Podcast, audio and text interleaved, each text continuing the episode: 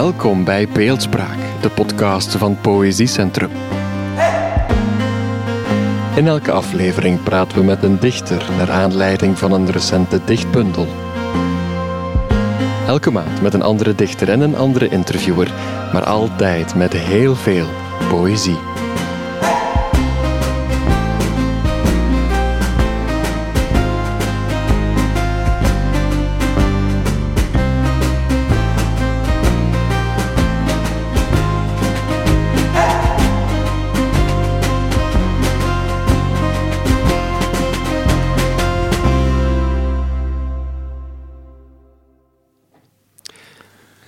Welkom bij een nieuwe podcast van Poëziecentrum. Mijn naam is Bram Lambrecht. Ik ben eh, literatuurwetenschapper, poëziecriticus en vooral poëzieliefhebber. En ik heb vandaag de eer om een gesprek te voeren met Stefan Hertmans. Um, ik denk dat het niet nodig is om Stefan Hertmans te introduceren, maar ik herhaal toch graag even dat hij romanschrijver is, verhalenschrijver, essayist, um, dichter, auteur van theaterteksten ook. En dan vergeet ik waarschijnlijk nog enkele andere genres. Um, Dag, meneer Hertmans. Goedemiddag. Um, wij spreken vandaag met elkaar naar aanleiding van de publicatie van een bloemlezing, die binnenkort verschijnt. Een bloemlezing met de titel Wij waar geen eind aan komt. Het is een bloemlezing samengesteld en ingeleid ook door Peter Verhelst, een collega-dichter. Aangezien het over een bloemlezing gaat, zal deze podcast voor een stuk ook een terugblik zijn. We gaan ook een soort van overzicht proberen te bieden van enkele thema's en, en procedés die uh, kenmerkend zijn voor uw poëzie. En een van die procedés die voor uw poëzie, maar eigenlijk voor veel poëzie uh, in de geschiedenis belangrijk zijn, dat is het procedé van de beeldspraak. Dus uh, Stefan, wat betekent beeldspraak voor jou? het beeld is enerzijds iets heel individueels, iets wat bij jezelf opkomt via associatie. Um, het heeft ook te maken met uh, wat er in je brein getriggerd wordt. En dat is bij iedereen anders. Maar het heeft natuurlijk ook te maken met wat we cultureel met ons meeslepen. Wat in de buitenwereld ons aanwaait. Een stuk uit een film kan ons doen denken aan iets uit de realiteit van, van de dag zelf. En dan ga je dat misschien koppelen met elkaar. Ik moet bij de beeldspraak vaak denken aan van die ouderwetse plaatjes die wij als kinderen soms kregen, die lenticulaire beeldjes, waarop je een blaffend hondje en een zwijgend hondje kon zien, naarmate je het beeld bewoog. Of een huilend kind of een lachend kind. Die, die bewegende plaatjes, lenticulaire beeldjes. Ik hou van beeldspraak waarbij je de twee hebt. Dat je niet onmiddellijk een duidelijk beeld ziet, maar dat je het gevoel hebt dat er twee of drie associaties met één beeld naar buiten komen. En daar zit ik soms wel eens naar te zoeken, naar een beeld dat zo rijk mogelijk is. Een beeld kan een betekenis doodslaan door te concreet te zijn. Maar een beeld kan ook betekenissen openen door je te doen twijfelen wat het nu precies is. En waar het beeld zich opent naar meerdere interpretaties en lijkt op zo'n zo'n plaagplaatje, uh, daar interesseert het beeld mij het meest. Zoals ik het hoor, is er toch voor een stuk ook een, een, spanning tussen aan de ene kant metaforen die overgeleverd zijn en die wij allen delen, die we allen kennen. En in de poëzie heb je tal van voorbeelden. De maan, de roos, eh, mm um, zijn metaforen die heel vaak voorkomen. Aan de andere kant is er ook zoiets als de metafoor die de wereld vormt. Is dat de spanning die in jouw poëzie ook een bewuste spanning is, die, die ten grondslag ligt aan de manier waarop jij poëzie maakt? Um er zijn beelden die zich spontaan aan je opdringen en er zijn beelden die je plotseling vindt. Ja. Um, op een moment waarop je niet met gedichten bezig bent. Je zit in de auto en je vindt een beeld. Dat is natuurlijk al een veel uh, bewuster proces. Daar ga je mhm. bewust inzetten. In nog een volgende fase ga je bewust op zoek naar beelden terwijl je aan het schrijven bent. Ja. Ik kijk daarmee uit omdat dat gauw iets heel gewrongens heeft en iets heel opzettelijks. En de lezer voelt dat ook. De lezer heeft, heeft radertjes om te weten wat te opzettelijk is. En kan voelen wat in een gedicht organisch meekomt. Um, dit gezegd, woorden bij elkaar zetten is een explosief procedé. Als de taal inderdaad, zoals de filosofie ons zegt, de wereld schept en niet andersom.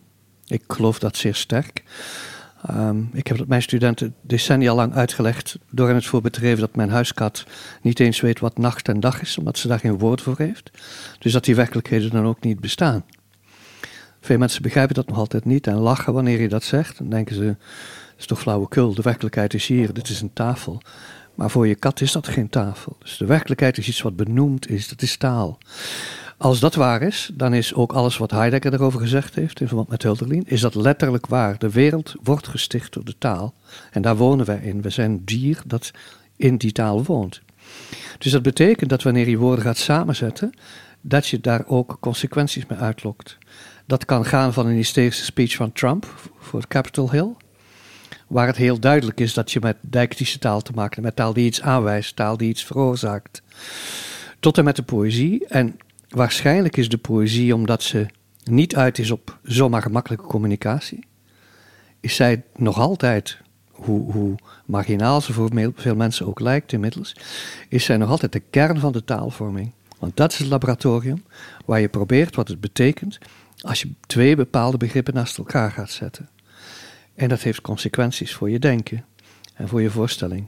Dus in die zin is het ook niet helemaal onschuldig en is het mhm. niet zomaar freewheelen. Ja. Zelfs wanneer je associatief schrijft, heeft dat, heeft dat implicaties. Ja, wel misschien moeten we maar een en ander wat concreter maken door eens in een gedicht te duiken. Ik had uh, enkele gedichten geselecteerd die um, ja, de algemene, um, ons algemene gesprek over je bloemlezing uh, wat kunnen illustreren. Een van de gedichten um, die mij interessant leken, vooral in het licht van, van wat we vertelden over, uh, over beeldspraak, is een gedicht uit de cyclus De Beste Jaren. En het is een cyclus die dan uit de bundel De Val van Vrije Dagen komt, dus een van je recentere bundels uit 2010. Stefan, heb je zin om het gedicht even voor te lezen voor mij en voor de luisteraar? Ja.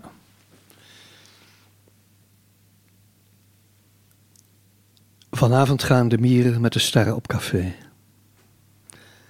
Wij liggen op de warme steen, verspreid als scherven van toekomstige verleden tijd. En we zingen zonder stem. Daarboven gloeit de melkweg, witte navelstreng in groeiende duisternis. De ironie is ver. Parabels worden doorgeseind, terwijl de lippen hard geworden van het weten, hoog in de ruimte zweven, alom fluisterend. Vleermuisgezang en roekeloosheid, omdat niets werd opgeslagen, alles werd verspild, omdat het altijd zo gehoord heeft, ook zonder ons. Dit liggen op de warme steen, verspreid en bij elkaar. En de mieren met de sterren aan het stappen langs de hemelboog en waar Descartes de draad verliest, zijn wij nog even een oeroud geheel. Voordat de draden knappen, wij de handen lossen, omdat terugvinden verliezen is en wij niet opstaan, even nog niet. We zijn het, maar we weten niet. Hoor hoe ze zingen langs de hemelrand, daar, bij de rotsen zonder water waar de stok op onze levens slaat en ons van dorheid redt voor even nog. De laatste woorden van een nieuw begin, maar zonder ons. Ja, dankjewel. Um, het is een, uh, een heel beeldend gedicht. In de eerste plaats uh, op een letterlijk vlak. Er komen heel veel visuele uh, beelden in, in, in voor. Het is ook beeldend op een figuurlijk vlak. Het is metaforisch. Je hebt die mieren die met sterren op café gaan. Dat is, een, dat is een verpersoonlijking. Je hebt die personages die als scherven verspreid liggen. De melkweg is als een witte navelstreng. Um, hoe werkt beeldspraak voor jou in dit specifieke gedicht? Dit gedicht heeft iets uh, bijzonder specifieks, omdat ik de eerste regel gekregen heb van een jongetje van zeven jaar. Kijk eens, ja. Um, het is een gedicht, niet dat de anekdote zo belangrijk is, maar ze helpt toch soms verduidelijken. Dit gedicht is eigenlijk, zonder dat het erbij staat, opgedragen aan mijn vriend Peter Verhelst. Uh, het is een zomerherinnering, waarin we met een groep vrienden op een uh, zeer euforische zomerdag in het zuiden ons bijzonder verbonden voelden met veel mensen samen. Uh, met onze kinderen erbij. En toen het nacht werd en wij in, de vlakte gingen liggen en in het zuiden naar de sterren keken, zei, zei dat jongetje zoiets van dat uh, de sterren op mier leken. En dan vroeg hij, waar gaan die naartoe? En dan zei hij, wat denk je? En dan zei ze gaan op café. ik vond dat zo'n ongelooflijk beeld. Dat heeft jaren in mijn hoofd gezeten. En plots duikt dat dan op. En denk ja. dit is het moment om dit beeld te gebruiken. Ja. Dus poëtische metaforen kunnen ook eigenlijk gewoon uit de kindertaal ontspruiten. Ja, ik denk dat het cliché is om te zeggen dat kinderen fantastische filosofen en dichters zijn. Ja, Dat is zo. Kinderen hebben nog die, die frisse blik. Ik heb heel lang, wanneer ik over beeldspraken les gaf, het voorbeeld gegeven van mijn eigen dochtertje, die op haar, ik denk nog niet eens vier jaar, voor het eerst ijs op een vijver ziet. En zegt: daar ligt glas op de vijver. Ehm, wanneer je plots ijs weer met glas gaat vergelijken, wat, wat voor ons een cliché is, maar dat in zijn oorsprong zit bij de waarneming van een kind, dan ben je heel dicht bij waar de, waar de, de verwondering waar Aristoteles het over had begint. Mhm. Dat begint bij iets niet als uh, een aangenomen waarheid te bekijken, maar het fris te bekijken. Dus in die zin vond ik dat ook heel inspirerend wat dat jongetje zei. En kwam mij toen ik dat gedicht schreef als een herinnering aan, aan die tijd, kwam mij dat uh, in gedachten. Het is natuurlijk zo dat dat koppelen van die mieren aan de sterren geeft een ongelooflijke ruimte al. Hè? Waardoor zowel um, de melkweg als uh, dat Cartesiaans dualisme dat ons ontvalt als het ware. Ja. Dat dat allemaal samenpast en dat je eigenlijk een gedicht hebt over verbondenheid. Mm -hmm. En dan gaat die verbondenheid ook zo ver in het gedicht. Dat door dat besef van dat kosmische, dat ons door dat jongetje is aangedragen, dat jonge filosoofje, dat je ook met zonder moeite kunt denken, maar dit gaat ook door zonder ons. Ja. Dus in zekere zin verabsoluteert dit gedicht de vriendschap en de liefde van mensen mhm. voor elkaar, maar het transcendeert het ook. Het zegt ook, dit gaat ook door zonder ons. Ja. En dat is eigenlijk de, de verbondenheid die in het gedicht zit. Ja. ja, mooi. Dus je beschrijft het vooral als een, als een vriendschapsgedicht, als een liefdesgedicht. En ja, die vele metaforen, die vele beelden daarin en, en de hyperbolen ook. Het is een heel uh, euforisch gedicht in zekere zin. Um, ja, interpreteer ik als een soort van dichterlijke krachtmeting. Het is uh, alles uit de kan halen wat er in de kan van de poëzie zit, zou je kunnen zeggen. Maar tegelijkertijd heb ik toch de indruk dat het gedicht ons ook wijst op de grenzen van die poging. Er is sprake van zingen zonder stem. Um, er zijn lippen die hard zijn geworden van het weten, die blijkbaar niet meer kunnen spreken en dus geen klanken meer kunnen voortbrengen. De personages fluisteren. En terwijl ik dat lees, dan moet ik ook gewoon denken aan de hele bloemlezing, waarin woorden als stilte, zwijgen, uh, niet kunnen spreken heel vaak voorkomen. En voor mij vormt dat een heel opvallend contrast met die euforie en met die overvloed aan woorden. Um, dus ja, wat betekent voor jou de stilte als dichter en als mens ook? Ja, ik ga eerst even terugkomen op uh, de lippen die hard geworden zijn van het weten in dit gedicht.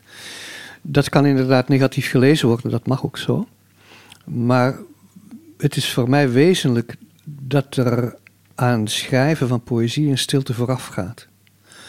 Uh, het is namelijk een soort taal die ontstaat wanneer je hebt nagedacht en denkt doe in stilte. Het is ook een soort taal die ontstaat wanneer je een aantal ervaringen hebt opgeslagen. Om deze voorraad, dat reservoir aan beelden en taal en ingevingen en verbindingen, wat dan ook, in jou te hebben, moet je natuurlijk ook al vaak gezwegen en gekeken hebben. En in die zin is de stilte voor mij iets constitutiefs, iets wat tot, tot de poëzie behoort. Ik, ik weet dat heel veel mensen daarbij nog altijd terugdenken dan... ach ja, poëzie van het Witte Blad en de stilte in de jaren zeventig... dat is dan ongelooflijk verketterd geweest, dan is het door anderen weer verdedigd. Ik ben absoluut op mijn leeftijd zeker niet meer geïnteresseerd in scholige kibbel. Dat, dat, dat, daar heb ik niets mee de, de stilte die in het gedicht zit, is veel ingewikkelder dan de stilte van een witregel. Die is er ook en die vind ik ook interessant. De typografie in een gedicht is ook iets allesbepalends. Ja, en de lezer kan het niet horen, of de luisteraar kan het niet horen, maar hier zijn geen witregels. Het is een er zijn niet geen gedicht. Nee, dit loopt door, dat is juist. Um, maar ja, er zijn allerlei vormen van stilte. Het enjambement doorbreekt de stilte door de regel als het ware naar de volgende te trekken. Maar ik respecteer bijvoorbeeld, wanneer ik mijn gedichten voorlees, respecteer ik mijn enjambementen niet. Mhm. Dan stop ik plotseling waar, waar een enjambement is.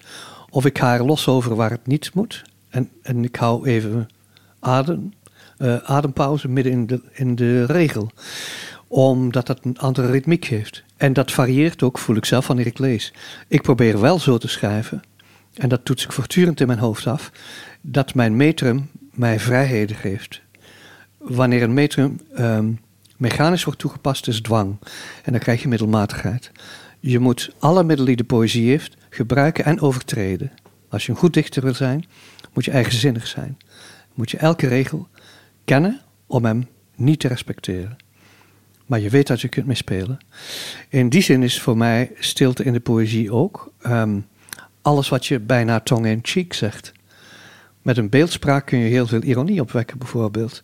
Door een vergelijking kun je de lachers op je kant krijgen. Je kunt ze ook filosofisch reflexief maken. Uh, je kunt er alle kanten mee op. Dus er, zit, er zitten heel veel vormen van stilte in het gedicht, daar ben ik vast van overtuigd. Ja. Oké, maar dus de stilte die het idee uitdrukt dat het onzegbare ook een rol speelt in het gedicht, um, dat speelt voor jou een veel mindere rol dan in, in, uh, in deze tekst. Goh, ik heb ergens, uh, ik denk dat het Baudelaire is, uh, die het heeft gezegd, die uitspraak geciteerd van de dichter die klaagt over het onzegbare, die moet je niet geloven, die is goed aan het werk. Dus we moeten dat zeker niet feticheren. Het onzegbare is datgene waar je naartoe wilt met je gedicht. Ja. En het is natuurlijk zo dat je, dat je nooit een definitief iets gezegd hebt, want je bent een talig wezen. Ja. Misschien is voor mij de, nog steeds de belangrijkste poëticale maxime die ik hiermee even vasthoud, is het motto voor op mijn allereerste boek Ruimte, waar een regel staat van Kafka. Schon mit meinem ersten Satz bin ich in die Falle gegangen. Met mijn eerste regel ben ik in de val getrapt. Mm -hmm. En omdat er een eerste regel is, moet er een tweede komen. Ja. Omdat je gesproken hebt, zul je moeten spreken. Um, hoe dan ook. En het onzegbare bestaat niet buiten de taal. Het onzegbare bestaat in, inherent, integraal in de taal. Het is het product van de taal, het onzegbare. Ja. Uh, mijn kat heeft geen last van het onzegbare. Ik wel. Ja. Stefan, ik moet zeggen, ik wist niet dat dit gedicht opgedragen was aan Peter Verhelst, die, zoals ik al heb verteld, ook de samensteller van de bloemlezing is. Dus het verrast me, maar tegelijkertijd ook niet, want ik heb dit gedicht gekozen om ook een andere vraag te stellen. Um, tijdens het lezen van de bloemlezing um, heb, heb, ik vaak Peter Verhelst herkend. Mm. Heb ik de hand en de voorkeuren en de poëtica van Peter Verhelst gezien. Heb jij ook dat gevoel, nu je zijn selectie kunt bekijken? Of heb je toch vooral de indruk, nee, dit is ook een keuze die ik gemaakt zou hebben? Ik ga je eerst zeggen dat alleen Peter en ik tot vandaag wisten dat, dat ik dat voor hem geschreven had. Ah ja, oké. Okay. Nou, ja. Hij heeft een ja. antwoordgedicht geschreven in een van zijn bundels, waar het wel bij staat dat het voor mij is. Ja. Um, ik moet zeggen dat van, wanneer ik Peter zijn keuze las, uh, dat ik mij daar helemaal in herkende. En ik las toen natuurlijk ook, zeker toen ik de eerste PDF zag, met zijn ogen, mijn eigen poëzie. Nu, wij weten dat van elkaar, dat dat vaak heel dicht bij elkaar zit. Um, we hebben ooit, ik weet niet meer waar, op het podium gestaan, waar wij uh, werden gevraagd met gedichten te tennissen. Dus de een las een gedicht en de ander begon snel te bladeren en had zoiets van: wacht, ik zal eens antwoorden. En het was fantastisch. Peter en ik waren al twee zelf verbijsterd hoe, hoe snel dat ging. Hoe snel wij een haakje vonden in een gedicht van de ander en daar iets terug op gooiden. Dus dat zit inderdaad nu en dan heel dicht bij elkaar. Ik denk dat ik minder, um, minder dicht bij de proza-syntaxis aanleun dan Peter. Dat ik inderdaad in die zin nog uh, een beetje bij een andere poëtica aanleun. De, toch meer de poëtica van, van de versregel. Um, dat er toch iets meer Petrarcaans en zo in mijn poëzie zit. Uh, iets vroegmoderns ook. Terwijl die van Peter toch veel meer laatmodern is. Er zit daar toch wel een klein verschil op, niet veel. Maar ik merk wel dat onze beeldspraak, onze sensualiteit, onze sensibiliteit, onze manier van over eenzaamheid, liefde spreken, dat dat, dat intuïtief heel erg bij elkaar aansluit. Ja. ja. Dus je hebt hem ook echt de volledige vrijheid gegeven. Het is niet dat jij ook enige inspraak hebt gehad in de keuze. Je hebt ik denk Peter niet dat Peter vertrouwd. dat zou geapprecieerd hebben. Aangezien okay. wij zeer nauw bevriend zijn, was dat een uh, acte van vertrouwen. Ja, om ja. blindweg te zeggen, jij doet het, jij maakt, ja. jij wil mij dit cadeau doen, doe maar. Dus het is heel fijn om een cadeau te krijgen dat vanuit je eigen werk wordt aangeboden door je vriend. Ja, maakt het Dus ook heel, heel boeiend. Ja, ook voor de lezer. Ja. De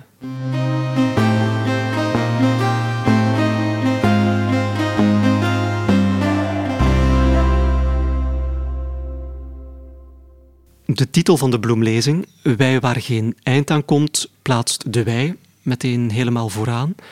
Um, en voor mij impliceert die wij een soort van totale symbiose. Wat voor een stuk ook al aanwezig was in het gedicht dat wij daarnet hebben besproken. Van die wij die een soort van euforische, bijna epifanische, mystieke ervaring beleeft. Ehm, de frase wij waar geen eind aan komt zelf komt uit een gedicht, um, waarin die wij voor mij minder een ik en een jij impliceert, dus twee personen die intiem zijn, maar bijna de hele mensheid behelst. En ik citeer even voor de luisteraar ook um, enkele versen die dat kunnen laten zien. Wij die over de aardkloot kruipen, minieme schokken registreren met de code van aangetaste genen. Dus voor mij die wij kan natuurlijk veel betekenen, maar in de eerste plaats lees ik daar wij als mensen samen in. Wat een soort van noodzakelijke verbondenheid is, zou je kunnen zeggen. Eh, of we het nu willen of niet, we zijn verbonden, we delen een soort van gezamenlijke ervaring zonder daar iets universeels van per se te willen maken. Um, maar het is iets wat mij ook opvalt in gedichten, zeer indringende gedichten, zeer indringende gedichten vaak, over uh, trauma, oorlog en geweld die je hebt geschreven, waarin die wijfiguur vaak naar voren komt. En ja, dan stel ik mij de vraag, ben jij of zie jij de dichter als de woordvoerder van een gemeenschap? Nee, um, dat is iets voor politici en woordvoerders. Uh, dat doen wij niet. Als een dichter al iets kan betekenen voor de ander, dan is het door zich zo radicaal mogelijk zichzelf te zijn. Zonder enige conditie. En te zeggen, kijk, dat ben ik als mens van de gemeenschap. Uh, dat is voor mij in literatuur een bijzonder belangrijk thema. Dat, dat het eigenlijk altijd gaat over de confrontatie, soms de frictie, soms de harmonie, soms het weer elkaar drijven van individu en collectiviteit. Dat, je kunt dat doorheen heel mijn werk zien, doorheen alle genres ook. Natuurlijk moeten we bedenken, wij is wat ze in de betekenistheorie een shifter noemen. Dat is een begrip dat van iedereen is. Wij is ik en mijn lief, wij is ik en mijn zoon, wij is ik en mijn vrienden, maar wij is ook de mensheid. Het is een leeg begrip, net zoals ik. Dat zijn lege begrippen die wij telkens vullen met onze particulariteit. Daarom zijn er natuurlijk goudmijnen voor een dichter. Je kunt er alle kanten mee op. In dit gedicht met name is het natuurlijk zo, dat is duidelijk, dat, dat ik daar op dat moment de mensen zie als een horde die komt, die steeds groter wordt. Dat gedicht gaat impliciet over overbevolking, over de planeet die geschonden wordt. Het is een gedicht met een ecologische achtergrond, met een ongerustheid ook daarover. Uh, het is ook een gedicht, stel ik mij dan voor, dat een dichter niet had kunnen schrijven voor we dat eerste beeld hadden gezien van de aarde, van op de maan genomen. die eerste foto van de aarde die opgaat, zoals wij de maan zien opgaan. Dat wij voor het eerst die blauwe sfeer zagen en wisten: dit is onze thuis. Daar is inmiddels heel veel over geschreven, over dat moment. En hoezeer dat ook, uh, Sloterdijk bijvoorbeeld, hoezeer dat de mensheid heeft veranderd. Om van op afstand, van op de maan te hebben kunnen kijken naar waar wij thuis horen. Hoe eenzaam dat is, hoe uniek dat is hoe fantastisch dat eruit ziet. En als je dan dichterbij komt, hoe gruwelijk het vaak is. En dit is natuurlijk waar je dan kunt terugdenken aan visionaire schrijvers die voor dat moment hebben geleefd, maar dat wisten. Iemand als Nietzsche die sprak over het zieke dier. Die wist, de mensheid is een ziek dier. Door dat verstand te krijgen, heeft hij zijn hele harmonie verspeeld. En dat hij alles wil begrijpen, drijft hij weg van de band die de dieren met de aarde hebben. En daar ontleent hij al het sublieme aan, maar daar ontleent hij al ook het afschuwelijke aan. En dat is die horde die in dat gedicht voelt komen. Dat zijn wij, we zijn met velen, we zijn met steeds meer. Het is ook een soort drone-perspectief wat je daar hebt. Ik ben er vast van overtuigd dat dat soort, um, uh, hoe moet je het zeggen, technologische en technische ontwikkelingen het beeld van de dichters diepgaand aantast of verandert en verrijkt. Um, ik denk dat het Marx is die gezegd heeft: het zijn niet de mensen die werktuigen uitvinden, het zijn de werktuigen die nieuwe mensen uitvinden. Eh, daar ben ik vast van overtuigd. Ja. Dus ik zou ook dat soort gedicht misschien niet op deze manier, met deze tonen, met deze bijzonderheden hebben kunnen schrijven 30 jaar geleden. Ja. Dat zijn dingen. Um, ik gebruik heel vaak het beeld van Gottfried Benn dat de, dat de mens een radardenker is. En een dichter heeft een radar die hij zo scherp mogelijk probeert af te stellen. Dat kan gaan van de beweging van iemand die op de tram zit recht voor jou, tot en met een heel grote beweging. Dat is allemaal wij. En je moet gewoon opmerkzaam zijn. En je moet de beeldpotentie hiervan beseffen, van het detail. Ja. Dus je moet ook altijd een strandjutter zijn. Alles is de moeite waard om op te merken. Alles kan in een gedicht terechtkomen. Als het in de juiste context komt, dan werkt het. En in die zin is zowel die wij als dat beeld op die mensheid daar natuurlijk iets wat een heel hedendaagse ervaring is voor veel mensen. En dat komt eraan. Ja. Steeds duidelijker. Ja. Ik denk ook dat wij de eerste generaties zijn die collectief over het bestaan zelf moeten nadenken en over de planeet. Toen ik als 25 of 30 jaar op straat in manifestaties liep en wij dachten dat we het ergste meemaakten wat er was, namelijk de dreiging van de atoombom. Mhm. Nou, dit is veel groter. Ja. De klimatologische dreiging is veel groter. Ja. En dat verbindt dus de mens als species, als soort. We moeten dus weer als soort kijken, zoals Ja. Walt Whitman het al deed ook. Maar we moeten dat blijven doen, Ja. want die soort verandert onder druk van omstandigheden. Ja. Dat hoort allemaal in poëzie thuis. Ja, dus de poëzie kan ons daarvan bewust maken op een, op een eh, indirecte manier, misschien een bevreemdende manier. Maar de dichter is daarom niet per se een woordvoerder voor jou. Nee, weet je, ik hoor jouw vraag natuurlijk ook, moet het geëngageerd zijn of niet? Mhm. Ehm, kijk, zo'n gedicht heeft een geëngageerde potentie, dat weet ik. Maar ze ligt er niet dubbeldik op. Ja. Ik ben namelijk van de overtuiging dat wanneer je je laat verleiden om nagels met, spijkers met koppen te slaan in poëzie, dat je de poëzie verlaat. Ja. Dan glijd je naar een ander tekstgenre, dat zijn eigen bestaansrecht heeft. Maar de lyriek is natuurlijk de manier van zeggen die iets filosofisch en indirect heeft en die iets affectief, individueels deelt met de lezer op een manier dat het universeel herkenbaar wordt voor iedereen. Of Ja. als het niet universeel is, dan toch wel voor meer mensen. Ja. En het is op dat dunne lijntje, op dat eh, voetbrugje dat de dichter moet lopen, Ja. wijkt hij te veel af naar zijn hymnisch-lyrische kant, dan gaat hij hoogverheven onzin verkopen. Wijkt hij af naar de andere kant en wil hij zijn engagement te veel showen, of zijn persoonlijke zielspijntjes tonen, dan glijdt hij af naar andere genres. Dus de poëzie hoort heel erg duidelijk thuis, voor mij, in een evenwicht houden tussen het particuliere, het individuele, het subjectieve en het objectieve, het algemeen universele. En anderzijds ook tussen wat je affirmatief wil beweren, discursieve, en dat wat je, datgene waar we mee begonnen zijn, Mhm. dat wat je via een beeld wil laten voelen. Ja. Want een beeld is voor iedereen toegankelijk. Een beeld is de muziek van het denken.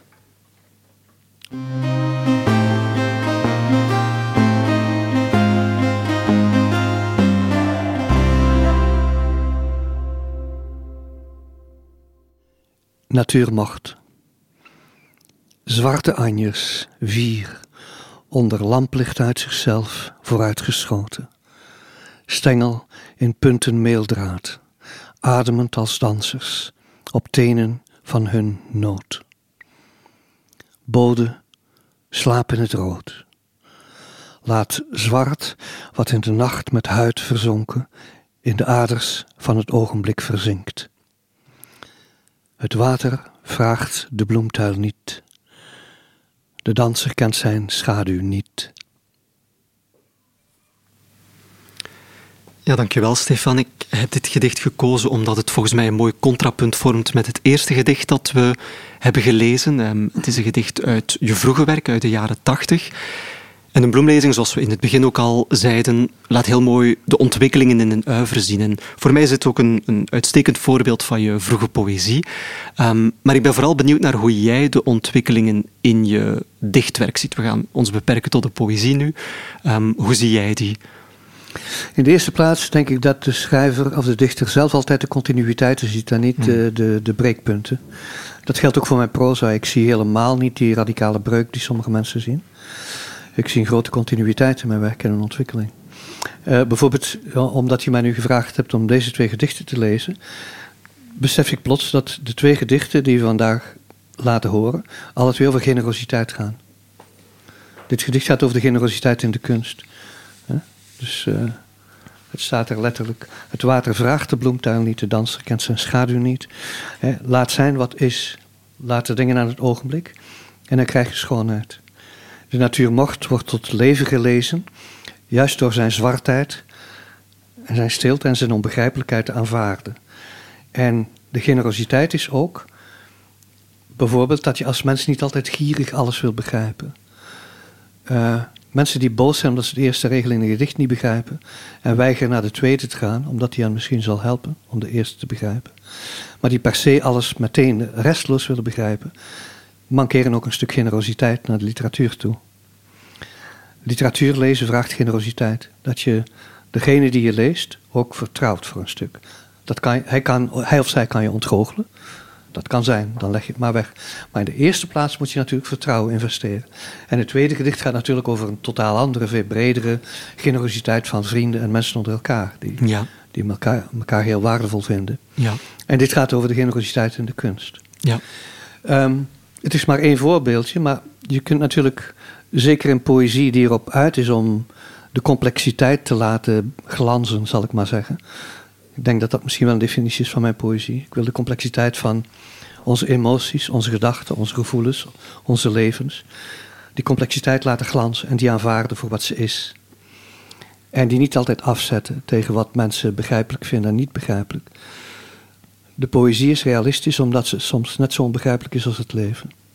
Ja. Dat maakt haar realistisch.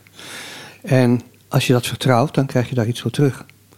Dus in die zin zie ik in mijn werk helemaal geen grote breuken. Ik zie natuurlijk wel, en ik vind dat zelf boeiend genoeg om daarover te spreken, na mijn bundel Melksteen is er iets in mij opengegaan. Ik kwam uit die hele strenge school. Ik was op de universiteit eh, opgegroeid, zeg maar, met Beckett, met dat minimalisme. Dat moest op die manier.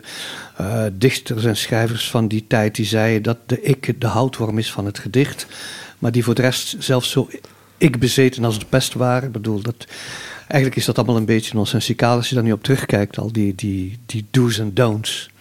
En ik moest mij daarvan bevrijden, want dat had een zeker autoritaire druk op mij als jonge intellectueel. En ik heb mij eigenlijk bevrijd door mij te keren naar eh, de elegieën van Rilke. En dan Zoutsneeuw te schrijven. Eh, wat heel hymnisch en heel verheven is. Heel erg aan dat, eh, dat de eerste helft van het 20e eeuwse modernisme vastzit. Maar toen was ik los. En met bezoekingen voelde ik nu, nu mag ik alles van mezelf. Ja. Nu mag ik alles doen. Eh, ik kan weer kleine dingen schrijven als ik wil. Ik kan tegen het proza of tegen een essay gaan aanschurken, wat ik later ook gedaan heb.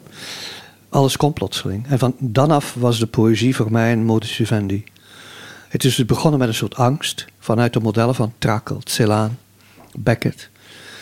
En een langzaamaan vertrouwen krijgen. En durven de retoriek van de taal op mij te nemen.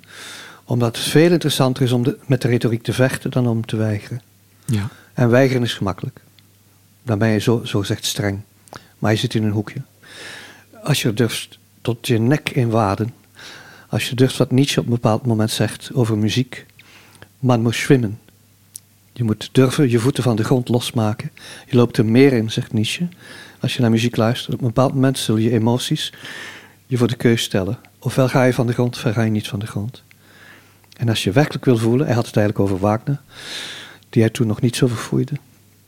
Als je werkelijk wil voelen wat de muziek is, man moet zwemmen. En ik voelde toen dat ik kon zwemmen in mijn poëzie. Dat het ging dat ik vrijheid had. Ja, dus toch vooral een grote thematische continuïteit. eh, de fascinaties die dezelfde zijn gebleven. En ik denk de belangrijkste continuïteit is gewoon de aanwezigheid van de poëzie in je leven. Ehm, ik heb al verteld, je hebt vele genres beoefend. Je hebt romans geschreven, verhalen, theaterteksten, essays ook. Waarom keer je toch altijd weer terug naar de poëzie? Wat kan dat genre dat de andere genres niet kunnen? Omdat de vrijheid daar juist zo maximaal is. Ehm, er is veel geschreven over het doe in de poëzie van Paul Celan, het jij. Wie spreek je met die jij aan? Leonard Nolens heeft daar ook een aantal gedichten over. Wie, wie is het ik en wie is het jij? Dat zijn, zoals ik daarnet al zei, dat zijn shifters, dat zijn verglijdende lege hulzen. Dus met een jij kun je iedereen aanduiden. Je kunt de lezer aanduiden, maar jij kan ook de poëzie betekenen. En wat mij dan weer betekent aan dat plaagplaatje, is dat jij als lezer niet weet of ik nu een geliefde aanspreek, u als lezer, of de poëzie zelf. En de beste gedichten zijn waar je daar niet uitgeraakt. Waar dat blijft rondspelen. En in die zin keer ik altijd naar de poëzie terug, omdat dat qua stielkennis, qua stielplezier, is dat natuurlijk het, het meest intensieve, het prettigste. Omdat ik ook heel lang ehm, eh, vormen en onderdelen van kunstfilosofie heb gedoseerd, blijft de poëzie voor mij ook het interessantst. Omdat ze heel dicht ligt bij al die eh, fundamenteel filosofische vragen over de taal en de wereld en de mens en de ervaring. Dus vandaar dat ik er altijd naar terugkeer. Het is ook iets waar ik geen enkele moeite moet voor doen. Soms schrijf ik jaren geen gedicht. Het is nu al toch twee jaar geleden, denk ik, dat ik amper drie gedichten heb geschreven. En daar heb ik dan vrede mee. Ik zoek dat niet, ik forceer dat niet. Ik doe zelden iets in opdracht. Daar hou ik niet van. Ik ben ook geen type om stadsdichter te worden of zo. Ehm, dat moet volledig vanuit mijn zijn kunnen komen. En het moet zich aandienen op zo'n manier dat ik het niet meer kan vermijden. En dan weet ik dat het goed is. Wanneer ik het niet kan vermijden en ik het bijna vanzelf doe. Dat betekent niet dat het meteen goed is. Hè? Dus dat betekent dat er een eerste versie is. Dat er een, een, een muziek is, een, een, filosofische gedachte, een beeld is. Dat al die elementen van de poëzie samenkomen intuïtief. En dat ik een eerste laag kan leggen. En voor die eerste laag moet ik geen doorhalingen maken. Die staat er op een kwartier, twintig minuten. Daarna ben ik meestal back af, omdat het een heel hoge, zeer bijzondere, lichtjes euforische concentratie is. En daarna wordt het heel koud rondom jou, alsof je plots uit een warm bad bent gerukt. En dat is heel goed, dan moet dat afkoelen. En dan kan ik, wanneer het gestold is, kan ik gaan slijpen, kan ik gaan vervangen, kan ik gaan constructief werken. Maar de eerste essentie van poëzie is voor mij organisch. Terwijl in het essay is natuurlijk, het essay intentioneel. Um, het proza is intentioneel. Maar de poëzie is, is veel ingewikkelder dan alleen maar intentioneel. Uh, ik denk dat die prachtige, onvergetelijke uitspraak van Kant over de kunst voor de poëzie het meest opgaat. Het is een, je weet dat het doelmatig is. Het heeft een doelmatige structuur die typisch is voor een mens die denkt. Waarmee ik niet gezegd dat het rationeel is. Het is typisch voor een mens die denkt en die zich verbeeldt. Maar het is een doelmatigheid die haar doel niet kent. En daarom is op weg naar iets wat de poëzie zelf pas begrijpt wanneer het gedicht af is. Dat is ongelooflijk complex en tegelijk is dat op de vierkante centimeter. Dus het blijft voor mij een, een object van fascinatie, waarvoor mijn fascinatie eigenlijk met de jaren nog stijgt, naarmate ik daar meer mijn hoofd over breek hoe dat werkt. Ja. Stefan, mag ik je bedanken voor dit uh, boeiende gesprek en ook uh, voor de vele poëzie die je al die decennia hebt uh, geschreven. Ik denk dat de luisteraars binnenkort met de bloemlezing in de hand ons gesprek zouden kunnen volgen. Ik dank u.